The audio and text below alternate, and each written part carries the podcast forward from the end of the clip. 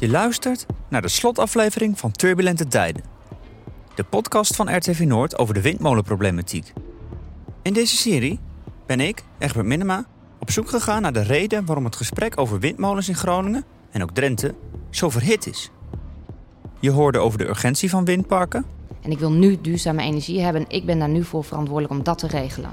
Je hoorde de weerstand daartegen. En op het moment dat je uh, een probleem signaleert, moet je altijd op zoek gaan naar de oorsprong van het probleem. En de oorsprong van het probleem ligt niet bij de mensen die nu over de zijk gaan omdat hun, hun woonomgeving verpest wordt. Je hoorde reflectie van buitenaf. Nou ja, je kan het vergelijken met, uh, met een gezin waarin de ouders eigenlijk niet luisteren naar het kind. En je hoorde een voorbeeld uit Limburg van hoe het ook kan. De betrokkenheid van de, degene die het ontwikkelt, die oog heeft voor de omgeving en dus het ook samen mee oppakt. Je merkt wel, er zijn veel verschillende verhalen, argumenten en perspectieven te vinden. De windmolenproblematiek is complex. Daarom wil ik in deze slotaflevering weten: staat het op zichzelf? Of is het een illustratie van iets groters? En vooral, wat kunnen we doen om deze windmolendiscussie te verkoelen? Daarom doe ik samen met filosoof Ronald Huneman een stap terug zodat we met wat afstand de windmolenproblematiek onder de loep kunnen nemen. Kijkt hij als filosoof hier nou naar? Bij dit soort complexe vraagstukken. Uh, in de filosofie spreek je van een padstelling. Beide partijen komen keihard tegenover elkaar te staan. Spelen twee filosofische principes altijd een rol. Eén principe gaat over rechtvaardigheid. En het andere principe gaat over begrip voor anderen. Je moet welwillend zijn. Laten we dan maar beginnen bij rechtvaardigheid. Om te weten hoe Ronald Huneman rechtvaardigheid koppelt aan de windmolenproblematiek, moeten we even terug naar de jaren 70. In de jaren 70 van de vorige eeuw heeft John Rawls geformuleerd wat rechtvaardigheid is. Rawls zegt het als volgt: Als het gaat om complexe maatschappelijke vraagstukken waar veel partijen bij betrokken zijn, die ook allemaal verschillende belangen hebben, dan zul je om te kijken wat een rechtvaardige oplossing is voor het vraagstuk, zul je jezelf moeten terugtrekken achter een veil of ignorance. Zeg dat nog eens? Een veil of ignorance. Een sluier van onwetendheid. Ah.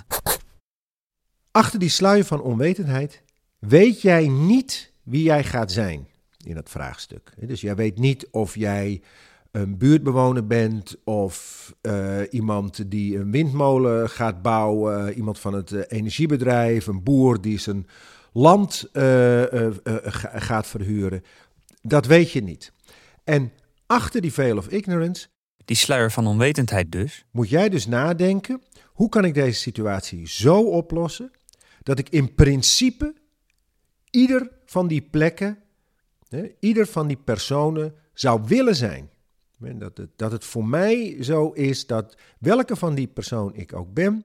Een omwonende, een politicus, een boer, een projectontwikkelaar. Welke van die persoon ik ook ben, de oplossing is bevredigend. Nou, op het moment dat je zo'n oplossing hebt gevonden, dan spreekt Rawls van een rechtvaardige oplossing. Ik denk aan mijn trip naar Limburg van aflevering 4. Daar leek wel sprake van een rechtvaardige oplossing de betrokkenheid van de, degene die het ontwikkelt, die oog heeft voor de omgeving en dus het ook samen mee oppakt. We zijn wel Norbers. Het Norberschap kennen ze in Groningen ook. En wij hebben toen gezegd van kijk, we willen wel uh, goede Norbers zijn. Dat wil zeggen dat als er hier iets tekort is aan het een of het ander, willen we best helpen om dat probleem op te lossen. Maar we hebben ook gehoord dat in Groningen juist niet iedereen blij is met hoe de plannen van het windpark bij Mede tot stand is gekomen. Mensen zijn gewoon zo verschrikkelijk boos. Ik bedoel, als jij hier je woning hebt aan de rand van Mede, je kijkt over dat vrije veld. En er gaan nu, komen nu 27 windturbines van 200 meter hoog. Terwijl er voor die tijd een dorpsvisie lag, waarbij nog geen kippenhok op de horizon mocht verschijnen, want het was tegen de dorpsvisie. De mensen zijn, worden extreem gemaakt doordat ze genegeerd worden. Er wordt niet naar ze geluisterd, er wordt geen aandacht aan ze geschonken, er wordt geen rekening met hun belangen gehouden. Ja, dan moet je niet vreemd opkijken dat mensen extreem worden. Ik ben wel benieuwd of Ronald hier iets van snapt. Uh, ik hoop dat de vraag niet is of ik het ermee eens ben. Nee, nee, nee, nee, nee. Of je het snapt. Ik zou het zelf niet doen, de woede begrijp ik. Nou, omdat dit de woede is van het niet serieus genomen worden. En het niet gecompenseerd worden voor een verlies aan genot. En uh, het niet gezien worden in een kloof tussen rijk en arm, die door het begrip duurzaamheid alleen maar groter aan het worden is in onze maatschappij. Uh, ja, dus ik snap, dat, ik snap dat heel goed.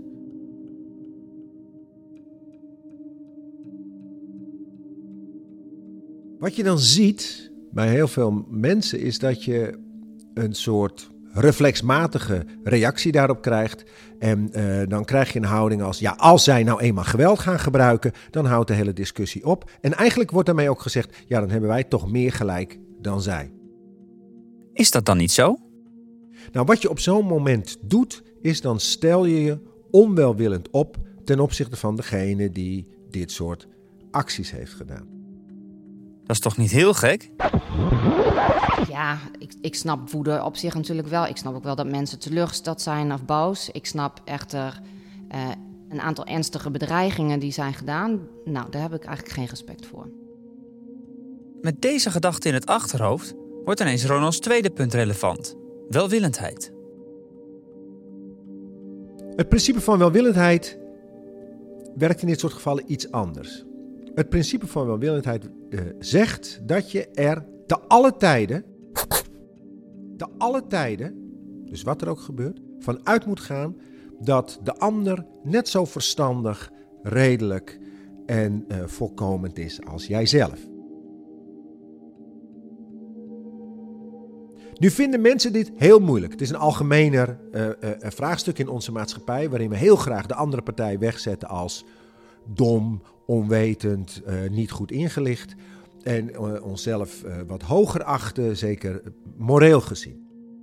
Heb je ook een voorbeeld, Ronald?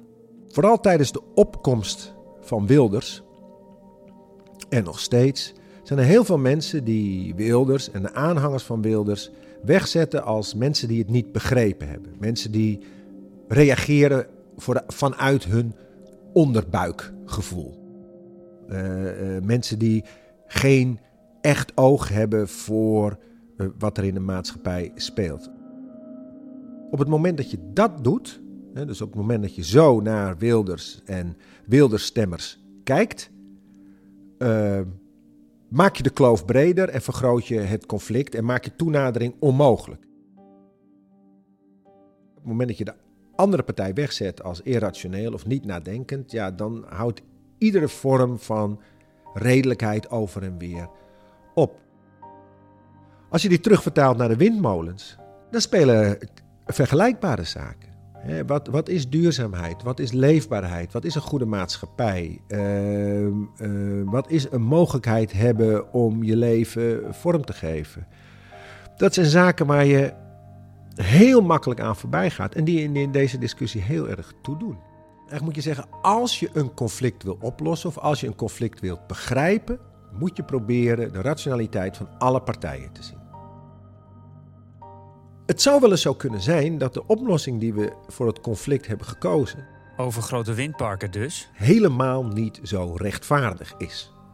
Althans, niet rechtvaardig is vanuit de ogen van alle betrokkenen. Dan is het ook niet goed om onmiddellijk te roepen dat bepaalde betrokkenen het niet begrepen hebben, want dan ben je onwelwillend. En op het moment dat jij de denkwereld van anderen met zoveel minachting tegemoet treedt, en op het moment dat zij dan actie ondernemen en je vindt die actie te hard, uh, ja, dan zul je je af moeten vragen: ja, waarom geef ik jou niet wat jij nodig hebt? Wat heb ik niet gezien? Dus het gaat er op zijn minst om dat je die erkenning organiseert. En ik denk dat dat echt mis is gegaan. Het zijn informatieavonden. Het is absoluut geen dialoog. Je wordt geïnformeerd, meer niet. De mensen zijn extreem gemaakt doordat ze genegeerd worden.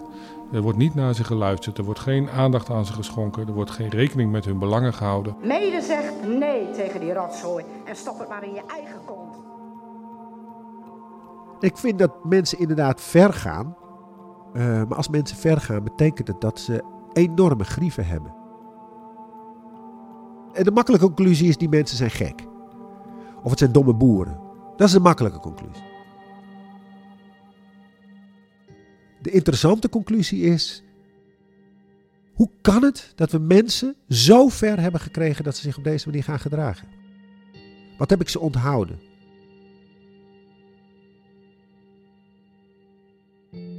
Wat heb ik gedaan? Wat heb ik gedaan? Wat heb ik gedaan? Wat heb ik gedaan? Waardoor deze mensen zo boos worden. Dat is een interessante vraag.